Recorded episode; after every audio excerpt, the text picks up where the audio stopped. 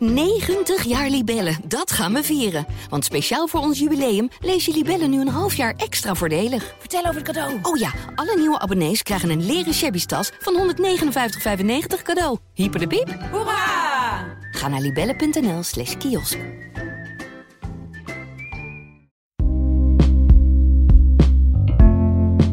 Hallo, mijn naam is Shaila Singh en dit is de Volkskrant Elke Dag. En dat is de dagelijkse podcast van de Volkskrant waarin we spreken met de experts van de redactie over wat er allemaal aan de hand is in de wereld. En vandaag doe ik dat met Irene de Zwaan. Dag Irene. Hallo.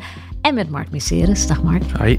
Jullie zijn allebei verslaggever uh, met als specialisatie onderwijs, de onderwijsdesk.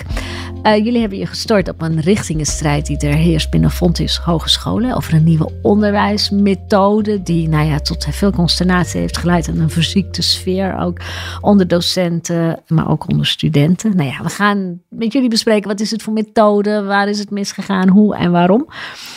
Even heel kort, de Fontys Hogeschool. Hoe, hoe groot is dat? Hoeveel studenten? Waar zitten ze allemaal? Welke richtingen doen ze allemaal? Het is een hele grote uh, onderwijsinstelling. Sterker nog, het is de ene grootste hoger onderwijsinstelling van Nederland. HBO-onderwijs. Ja, het HBO-onderwijs. Zijn uh, voor, uh, actief in de zuidelijke helft van het land. Tilburg, Eindhoven, Venlo. 46.000 studenten, 24 opleidingsinstituten. Een heel breed scala van pedagogiek tot theologie, journalistiek, ICT bedrijfskunde, uh, verpleegkunde, nou ja, noem het maar op. Ja. Ze bieden heel veel aan. En over dat hele instituut is dus een nieuwe onderwijsmethode uitgerold, Irene. Het is fonds breed uitgerold, ja. maar het verschilt een beetje per instituut mm -hmm. uh, welke bouwstenen dan uh, worden toegepast. Dus de instituten zijn ook wel enigszins vrij, zeg maar, om dat op hun manier te doen. Ja. Maar er is dus gedoe over ontstaan, of in elk geval, ja, het begrip polarisatie uh, uh, komt hier naar boven drijven.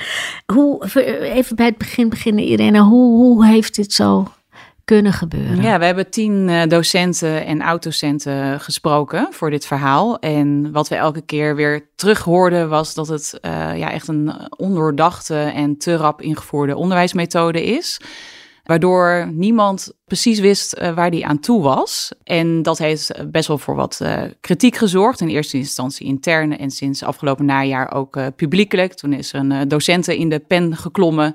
En die heeft een heel gepeperd opiniestuk geschreven op Bron. Dat is het nieuwsplatform van Fontes.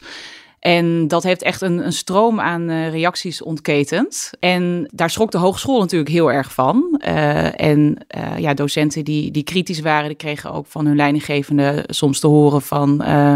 ja, wil je alsjeblieft de sfeer niet negatief beïnvloeden? Of ja, houd de kritiek alsjeblieft binnen kamers. waardoor ja, docenten echt op hun tenen gingen lopen. En ja, zich niet meer vrij voelde om zich uit te spreken. En daardoor zijn er ook meerdere kampen ontstaan binnen de instituten van voorstanders en tegenstanders. Uh, en is die sfeer gewoon heel erg gepolariseerd geraakt. Zit, zitten er zelfs mensen ziek thuis? Uh, ja, ja, er is best wel ja. een uh, groot verloop. Of alle tien docenten die we hebben gesproken spreken dus van een opvallend groot verloop. en er zitten ook best wel docenten thuis met een burn-out. Ja. Het is natuurlijk voor ons lastig om precies te achterhalen hoeveel dat er zijn.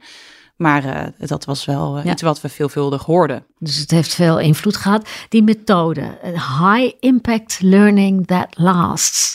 Wat, wat ja. is dat voor methode? Het is een methode die er eigenlijk vooral op neerkomt dat de student aan zet is. Hè? Dus mm -hmm. uh, bij onderwijs, zoals ik dat bijvoorbeeld heb gehad, nou, zit je in een, in een klas of je zit in een collegezaal. En daar is een docent aan het woord. Je gaat opdrachten maken en een docent beoordeelt die. Ja.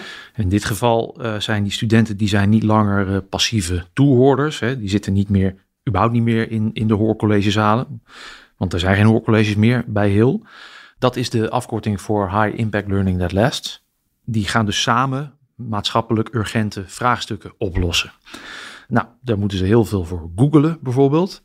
En het lastige is eigenlijk dat die docenten, die zijn natuurlijk gewoon normaal een soort begeleiders uh, bij de zoektocht naar antwoorden. Hè. Daar kan je wat aan vragen en dan wordt een richting opgestuurd.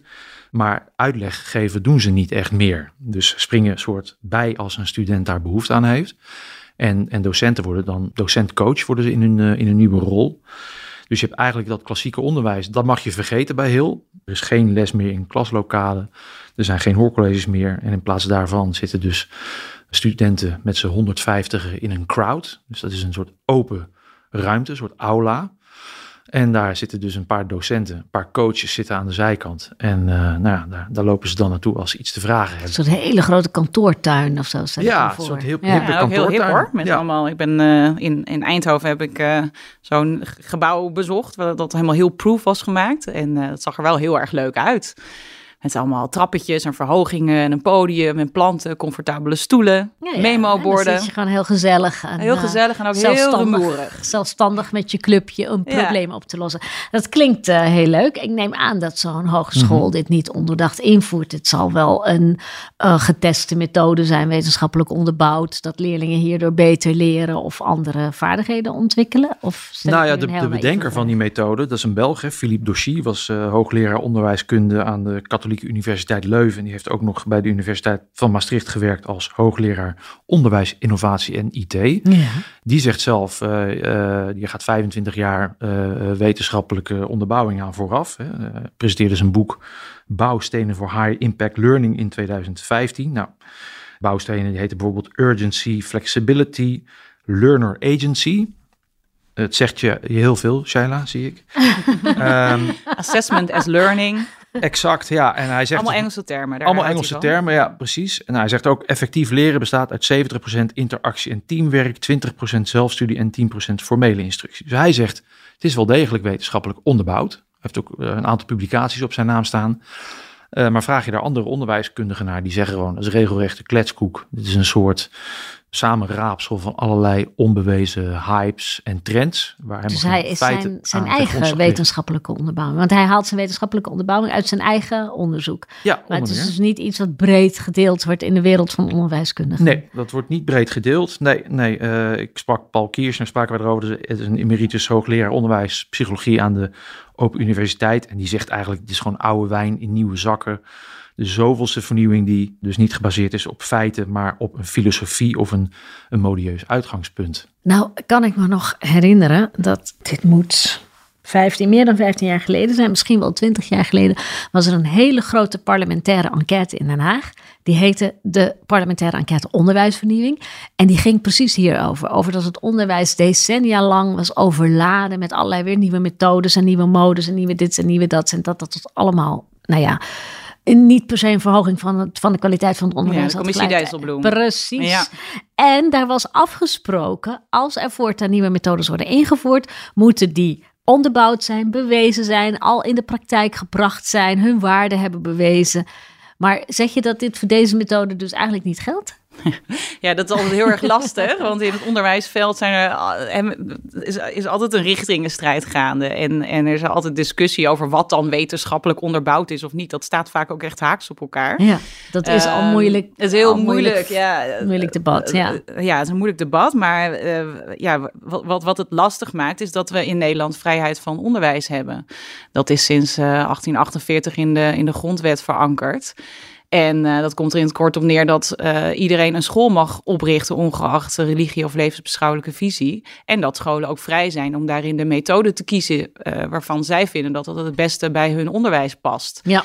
De onderwijsinspectie kan daar niks mee. Dus uh, als een docent in een ijsbad les wil geven, dan is dat in principe prima. Mogen zij niks over zeggen. Ook niet als zij... de resultaten heel slecht zijn? Dat wel. Dus ja. op het moment dat de kwaliteit daaronder leidt, dan kunnen ze ingrijpen. Mm -hmm. En de inspectie ziet ook sinds uh, het millennium, zien zij echt een wildgroei aan hippe onderwijsconcepten. Dat heeft natuurlijk alles te maken met de opkomst van internet. Ja, de Google-tijdperk. Uh, ja. ja, vanuit de gedachte dat het eigenlijk achterhaald is om um, feitjes te stampen. Want je kunt alles gewoon via Google opzoeken. Ja.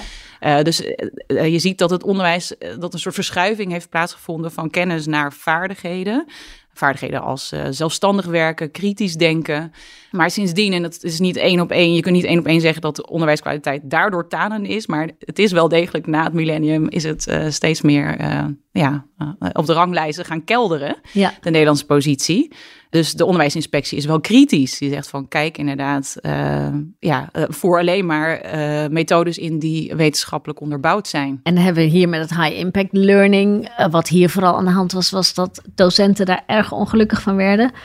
En studenten uiteindelijk ook, um, geloof ik. Hè? Wat, ja. wat gebeurde er precies? Ja, nou ja, we hadden het erover dat die invoering natuurlijk gewoon heel snel gegaan is. En, en voor een deel ook in de coronatijd. Dus je moet voorstellen dat docenten gewoon eigenlijk thuis zaten, komen dan weer op de opleiding, zien dus dat er ineens een OIL is, een open ICT-lab, waar ze dus aan die 150 uh, studenten nou, geen les gaan geven, want het is geen lesgeven, maar soort uh, aan, de, aan de zijkant uh, beschikbaar zijn voor, voor, vragen die ze niet altijd kunnen beantwoorden. En die studenten die wij spraken, die vertelden bijvoorbeeld um, bij de juridische hogeschool, collegejaar 2021-22. nou, ze hadden er heel veel zin in. Ze hadden een, een soort open dag gehad. Die was ook online vanwege corona. En zij vertelde ons, er is eigenlijk met geen woord gesproken over nieuw onderwijs. Dus zij gingen er gewoon voetstoots van uit dat ze vanuit de, uh, de schoolbanken van de middelbare school daar uh, bij uh, de juridische hogeschool terechtkwamen. En ze ook weer gewoon colleges gingen volgen. Maar in de eerste week op school hoorden ze dus ja, van, ja, we gaan het helemaal anders doen. En je mag in een open lab gaan werken, in een crowd gaan werken. Ja, en daar schrokken ze best wel van. Want je moet je voorstellen, die studenten zijn nog vaak best jong. Hè? Ja. 16 jaar, 17 jaar. We hebben natuurlijk uh, vijf, zes jaar lang op de middelbare school nou, heel klassikaal onderwijs gehad. En worden nu een soort van in het diepe gegooid. Moeten het ook met elkaar gaan uitzoeken. Kun je ook zeggen, daar leren ze heel veel van. Dus Zeker. juist goed. Ja. Ja, dat, ja, nou ja, die docenten zeggen wel, kijk, op, in een later stadium kun je, kun je studenten best wel wat meer vrijheid geven. Maar in dat eerste jaar is het heel belangrijk om ze toch een beetje bij de hand te nemen. En uh, ja, ze vonden het heel verontrustend om te zien dat studenten na dat eerste jaar heel weinig basiskennis eigenlijk hadden opgedaan. En dat ze wel uh, wat brokjes informatie bij elkaar hadden gezocht aan de hand van praktijkopdrachten, maar niet in staat waren om dat in een bredere context te plaatsen. En ze vonden ook dat de beoordeling heel erg subjectief was geworden, want de toetsen, uh, de, op basis van het staaf van kennis, dat, die waren afgeschaft. En in plaats daarvan uh, ja, werd er eigenlijk gekeken naar, naar leerdoelen, maar die waren vaak zo vaag omschreven dat niemand precies wist van wat nou, wat nou de objectieve maatstaf was uh, voor zo'n beoordeling. Een voorbeeld bijvoorbeeld van de juridische hogeschool is: een student past het recht volledig toe. Maar wat docent A volledig vindt, hoeft voor docent B nog niet het geval te zijn. We spraken een, uh, een docent aan de opleiding journalistiek en die zei gek te worden van alle reflectieverslagen die studenten moesten inleveren van 20 pagina's waarin ze dan verantwoording moesten afleggen over hun zwakke punten. Dan, hun eigen, zwakke punten. eigen zwakke punten. Dus dan uh, in de opleiding journalistiek moesten ze dan nou ja, gaan verantwoorden waarom ze geen re research hadden gedaan voor een artikel. Terwijl hij dacht, ga gewoon die tijd besteden aan het doen van research ja, of het schrijven van een goed artikel. En hij merkte ook op dat deze vorm van onderwijs de kansenongelijkheid vergroot omdat de studenten die kennis van huis uit hebben meegekregen, die hebben een streepje voor. En uh, de studenten van wie de ouders niet thuis de krant lezen of wel eens een uh, maatschappelijk debat aanzwengelen aan de keukentafel, die lopen achter of die, die blijven ja, hangen die in dit model. Want die, ja. ja. Ja, die hebben en de basiskennis niet en waarschijnlijk ook Precies, die andere ja. skills, vaardigheden, hoe zeg je dat? Ja, die niet? kunnen niet die skills ja. optimaal ontwikkelen, omdat ze gewoon uh, niet de kennis hebben op ja. basis waarvan ze dat. En heeft dat nou ook geleid tot een achteruitgang van de kwaliteit van het onderwijs, of is het nog te vroeg om dat te zeggen? Nou, wat je dus ziet bij de juridische hogeschool, die altijd ontzettend uh, goed gewaardeerd werd door, door studenten, is dat er, die is gewoon gekelderd op die, op die ranglijst. Van de HBO-keuzegids. Van de HBO-keuzegids. Dat is een onafhankelijke uh, ranglijst. Hè? Die, wordt elk, die wordt elk jaar, denk ik, samengesteld. Ja. ja. En dat is op basis van wat studenten zelf vinden van het onderwijs. Ja, en, onder meer, ja. ja. Oké. Okay. En ja. het is echt een belangrijke graadmeter. Uh, ook voor docenten bijvoorbeeld. Hè, die zijn hartstikke trots op hun werk. Die, die zeggen van nou, uh, er was elk jaar taart. Want we stonden weer bovenaan bij de, bij de HBO-keuzegids. En dan doet het pijn om te zien dat dus niet alleen de, de, de resultaten van studenten afnemen. Maar ook de waardering. Ja. Docenten zijn natuurlijk zo verweven met, met zo'n hogeschool waar ze al heel lang werken. Dat, dat dat hun rechtstreeks raakt in hun hele identiteit. Ja, en dat, dat zijn dan de studenten en de docenten. Jullie hebben een aardig aantal docenten gesproken, die kritisch zijn, die, sommigen die ook, ook thuis zitten of weg zijn gegaan. Wat, wat zijn nou hun grote bezwaren? Nou ja, toch wel dat gebrek aan, uh, aan basiskennis. Ja, ja die, die subjectieve beoordeling. Uh, het feit dat, ze niet, dat een inhoudelijk gesprek over deze methodiek in hun optiek niet mogelijk is, omdat ze dan worden weggezet als, uh, als uh, stemmingmakers of nou ja, dat ze, polariseren. Ze maken zich gewoon echt zorgen over waar dit heen gaat. En één docent zei over, ja, als dit zo doorgaat, zijn die diploma's gewoon niks meer waard. Dat klinkt wel vrij ernstig. Dan heb je drie, vier jaar van je leven geïnvesteerd als student. En dan heb je een diploma wat, wat misschien uh, niet zo heel veel meer waard Ja, is. En het zal per instituut, hè, benadruk ik nog maar even, zal het verschillen. Eh, bij de juridische hogeschool was er echt heel veel kritiek. Ja, Het, het gros van de docenten eh, was, eh, was niet tevreden. En dat, maar er zijn ook ehm, instituten waar, waar dat wat minder voor gold. ja. en Dus, maar dat vroeg me af, zijn er ook voorstanders van deze methode? Zijn er ook docenten en studenten Ja. op bepaalde opleidingen die zeggen, ja, maar voor ons type opleiding is het echt perfect en hartstikke fijn en we leren er veel meer meer. We Nee, nee, leren nu veel Die, meer. die zijn er natuurlijk ook. We spraken een ouderejaars, eh eh, nu tweedejaars student, die is wat ouder. Die zei, ik had al wat meer een basis toen ik eh, hier aan begon. En ik vind het heerlijk, die vrijheid. Ja. Voor mij hoeft het niet zo klassikaal. Hij zegt, maar ik kan het ook aan. Nou ja, daar heb je natuurlijk wel meer studenten van, die vooral wat ouder zijn, wat zelfstandiger.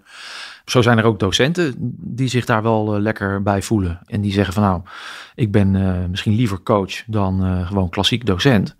En die vinden het vooral gezeur van, eh, nou ja, eh, van mensen die niet mee willen gaan met hun tijd. Ja. Dat ze zich hier tegen uitspreken. Dus dat Ja, heeft... Je ziet nu ook die gaten die, eh, die, die, die vallen, hè, omdat docenten vertrekken. Dat die worden opgevuld door nieuwe medewerkers die natuurlijk echt met dit model worden binnengehaald. Ja, Eh, dus dus ook in de vacatureteksten ja. zie je, wo- wordt er gevraagd om een docent coach. En eh, ja, dus, Ja. dus op die manier verstomt de kritiek op een gegeven moment. Ja, op die manier verander je het stelsel. En nou wilde de, het bestuur wilde dit heel graag. Hoe zijn ze op het spoor gekomen van deze hoogleraar en zijn methode? Ja, dat is eh, een vraag die wij ook hebben gesteld, waar we heel lastig, waar we niet echt antwoord nog op hebben gekregen. Wat wel duidelijk is, is dat eh, deze Philippe Doshi, hè, die, die net al werd genoemd, dat hij in 2015 een boek heeft gepubliceerd, Bouwstenen eh, voor High Impact Learning. Hij heeft eh, gelijktijdig ook een heel academy opgericht. En ja, scholen die dan brood zagen in zijn verhaal, die konden hem of zijn medewerkers, heel certified trainers, zoals die werden genoemd, konden ze inhuren voor trainingen, voor lezingen. Ze konden lesmateriaal afnemen. Nou, dat gebeurde ook veelvuldig. Dus dossier is eh, meermaals eh, komen opdraven bij eh, onder meer Saxion, Avans en ook meermaals bij, bij Fontes. En hoe dat dan precies is gegaan, zeg maar, hoe, of, of, ze zijn methode toen hebben binnengehaald. Eh Fontes zegt zelf van ja, het is, we werken al heel lang met, met high impact learning. En Dossier heeft daar een handig strikje omheen gedaan. Die heeft er een elletje aan vastgeplakt. Maar het is niet per se de vaste onderwijsmethode van Fontes. Eh, dus die distancieerde zich daar een beetje van. Maar dat zou ook te maken kunnen hebben met dat, eh, dat de hoogleraar inmiddels in de bak zit. Of de, In de bak. ja, de, ja de, de, de geestesvader van, eh, van heel, dat is wel heel opmerkelijk. Die zit een gevangenisstraf uit van 54 maanden, omdat hij een studenten heeft verkracht in de zomer van 2016. En Fontes werd volledig overvallen door dit Die nieuws. Dit die niet. wisten dit niet. Ja. In oktober vorig jaar verschenen er in de Belgische media opeens berichten over ene F.D. En uh, nou, al, vrij snel werd duidelijk dat dit om Philippe uh, ging. hij werd door de rechter omschreven als een seksueel roofdier, als een manipulator. Dus een hele harde woorden. Als je dan terugredeneert, roept dat wel wat vragen op. Want op het moment dat Douchy op non-actief werd gesteld door de KU Leuven in september 2018, ging hij in Nederland de boer op met zijn onderwijsmethode. Hij heeft een maand later uh, nog uh, docenten toegesproken op, dus, op dus de Fontes Hogeschool. Dat Fontes bestuur heeft zelf niet goed gegoogeld. Ja, en is ook niet ingelicht uh, hè, door de KU Leuven. Dat, ja. dat, dat is eigenlijk ook best wel vreemd. En ze zijn natuurlijk enorm in verlegenheid gebracht door dit nieuws. En ze hebben ook daags na het nieuws alle banden verbroken met dossier en met zijn heel academy. Maar ze houden wel vast aan de onderwijsmethode. Uh, want de bestuursvoorzitter die, die schreef daar een verklaring over op bron. En die zei ja, dat staat gewoon los van het strafbare feit dat hij heeft ja, gepleegd. We blijven die methode omarmen. Dit, dit roept allerlei vragen op, hè, van, uh, die, die, die je moet voorleggen aan zo'n bestuur. Van, nou ja, waarom hebben jullie dit gedaan? En wat vinden jullie van de kritiek? En wat doen jullie ermee? Wat, wat zegt het Fonds bestuur op dit soort vragen? Ik denk dat het fondsbestuur het uh, in reactie op die vragen lastig vond om, om gewoon heel concreet te worden met, uh, nou, wat heeft hij voor jullie gedaan? Wanneer uh, is, is zijn onderwijsmethode hier ingevoerd? Uh, wat heeft dat gekost? Is ook wel een relevante vraag, uh, denk ik. Ja, daar zijn jullie niet achter gekomen wat het heeft gekost. Nee, dat, dat, dat ja. weten we niet. Wilden ze niet beantwoorden, die ja. vraag. Oké. Okay. Nee. Mm -hmm. Wat zij gewoon lastig en vervelend vinden, is dat het zo, uh, de kritiek zo naar buiten is gekomen. En dat op dat, op dat bron, dat platform, gewoon voor iedereen, voor jou en voor mij. Het is niet een soort intranet, gewoon. Kon, gewoon een openbaar platform. Meelezen ja. hoe docenten elkaar daar een beetje de tent uitvechten. Ja. En dat steeds hoger opliep. dus nu proberen ze natuurlijk, zitten met de situatie dat ze ja, dus eigenlijk het een beetje het heel proberen te debunken, omdat het zo in opspraak is geraakt door zijn veroordeling. Uh, ze willen er wel mee verder, want ze zijn die weg nou eenmaal ingeslagen. Ja, ja ze hebben uh, geïnvesteerd in die, in die kantoortuinen met die al die planten en die trappetjes. Ja, ja. De, de, hippe, de, hippe, kantoortuinen. Maar ze willen ook wel verder met, uh, met, met docenten, maar die zijn een beetje lastig natuurlijk af en toe. Dus ja, daar is van alles gaande binnen Fontis. En leidt dat nou ook nog tot uh, onrust onder studenten? Dat ze zeggen, nou ik ga even verder zoeken. Ik zoek wel even een andere hogeschool. Of heb je niet zoveel keuze als je in het zuiden van het land naar een, een hbo-opleiding wil volgen? Nou, dat is dus bij de juridische hogeschool is dat wel een aantal keer gebeurd. Uh, daar zijn studenten gewoon uh, afgehaakt in het eerste jaar of na het eerste jaar. En die zijn naar de Hogeschool Arnhem-Nijmegen gegaan. Dus die, hebben wel een alternatief. Er zijn wel alternatieven. Ja. Als je, ja, soms wel niet altijd natuurlijk. Nee. Ja. Nee, en, en wat het lastige is natuurlijk, ja, je begint aan zo'n eerste jaar. Ga je je propedeuse afmaken als je halverwege bent. Je stelt natuurlijk het moment van, ja. ik moet hier weg. Eh, stel je ook eh, voor jezelf uit. En komt er nou nog een keer een evaluatie van, is het onderwijs er nu op vooruit gegaan en is de kwaliteit nu verbeterd? Ja, dat hoop ik wel. Ja, zij zeggen, het bestuur zelf zegt van, we zijn hier constant over in gesprek. Ook met docenten. En wat wel opvallend is, is dat bij eh, de juridische hogeschool, waar dus echt heel veel kritiek was van uh, docenten, dat ze daar weer oude opdrachten van stal hebben gehaald van uh, het pre-heel tijdperk. Oké. Ja, vanuit de gedachte van die, die studenten, die hebben echt te weinig kennis na het eerste jaar. En een docent zei ook van dat was waarschijnlijk niet mogelijk geweest als hij niet was veroordeeld. Uh, dus je ziet hier en daar wel dat er wat aanpassingen worden gedaan. Dus ook het, het ICT, uh, uh, het, het gebouw van de ICT-opleiding, ja, die werd dan door veel docenten als te prikkelrijk ervaren. En dus daar hebben ze ook wat, wat kleine aanpassingen gedaan. Dus ehm, stickers, stickers op de ramen geplakt en uh, room dividers in de vorm van stellingkasten met planten neergezet. Of dat gaat helpen, weet ik niet. Uh, Ariane Steenbrugge, dat is uh, het bestuurslid dat we voor dit verhaal hebben gesproken, die, ja, die zei veranderingen kosten nou eenmaal tijd. En zij gelooft ook echt dat de scherpe randjes er wel vanaf gaan in de loop der tijd. En ze vergeleken met het weer. Weer van vandaag is niet zegt niks over het klimaat op de langere termijn. Wat ik zo vreemd vind, het is een enorme hogeschool, dus met nou, heel veel studenten, heel veel vestigingen. Um, en dan meteen zo'n hele nieuwe onderwijsmethode breed uitrollen. Waarom zijn ze niet eerst gaan experimenteren op één faculteit of in één hoekje? Gewoon om even te kijken hoe dat nou werkt. Ja, nou, dat is dus een goede vraag. Om te vergelijken met uh, Saxion in het oosten van het land. Daar wilde het bestuur ook graag een grote onderwijsvernieuwing uh, doorvoeren. En daar heeft de medezeggenschapsraad uh, eind vorig jaar gezegd. Dat gaat eigenlijk te ver. We gaan nog maar terug naar de tekentafel.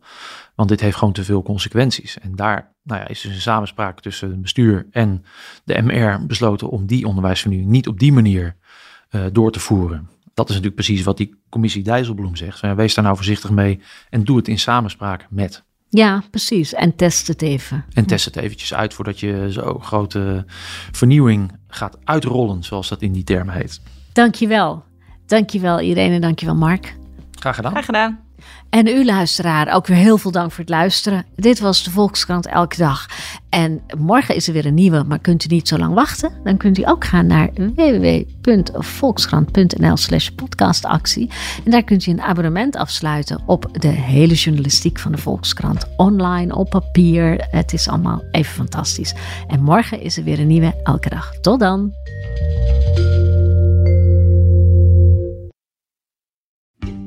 90 jaar Libellen, dat gaan we vieren. Want speciaal voor ons jubileum lees je Libellen nu een half jaar extra voordelig. Vertel over het cadeau. Oh ja, alle nieuwe abonnees krijgen een leren shabby tas van 159,95 cadeau. Hyper de piep. Hoera! Ga naar libellen.nl slash kiosk.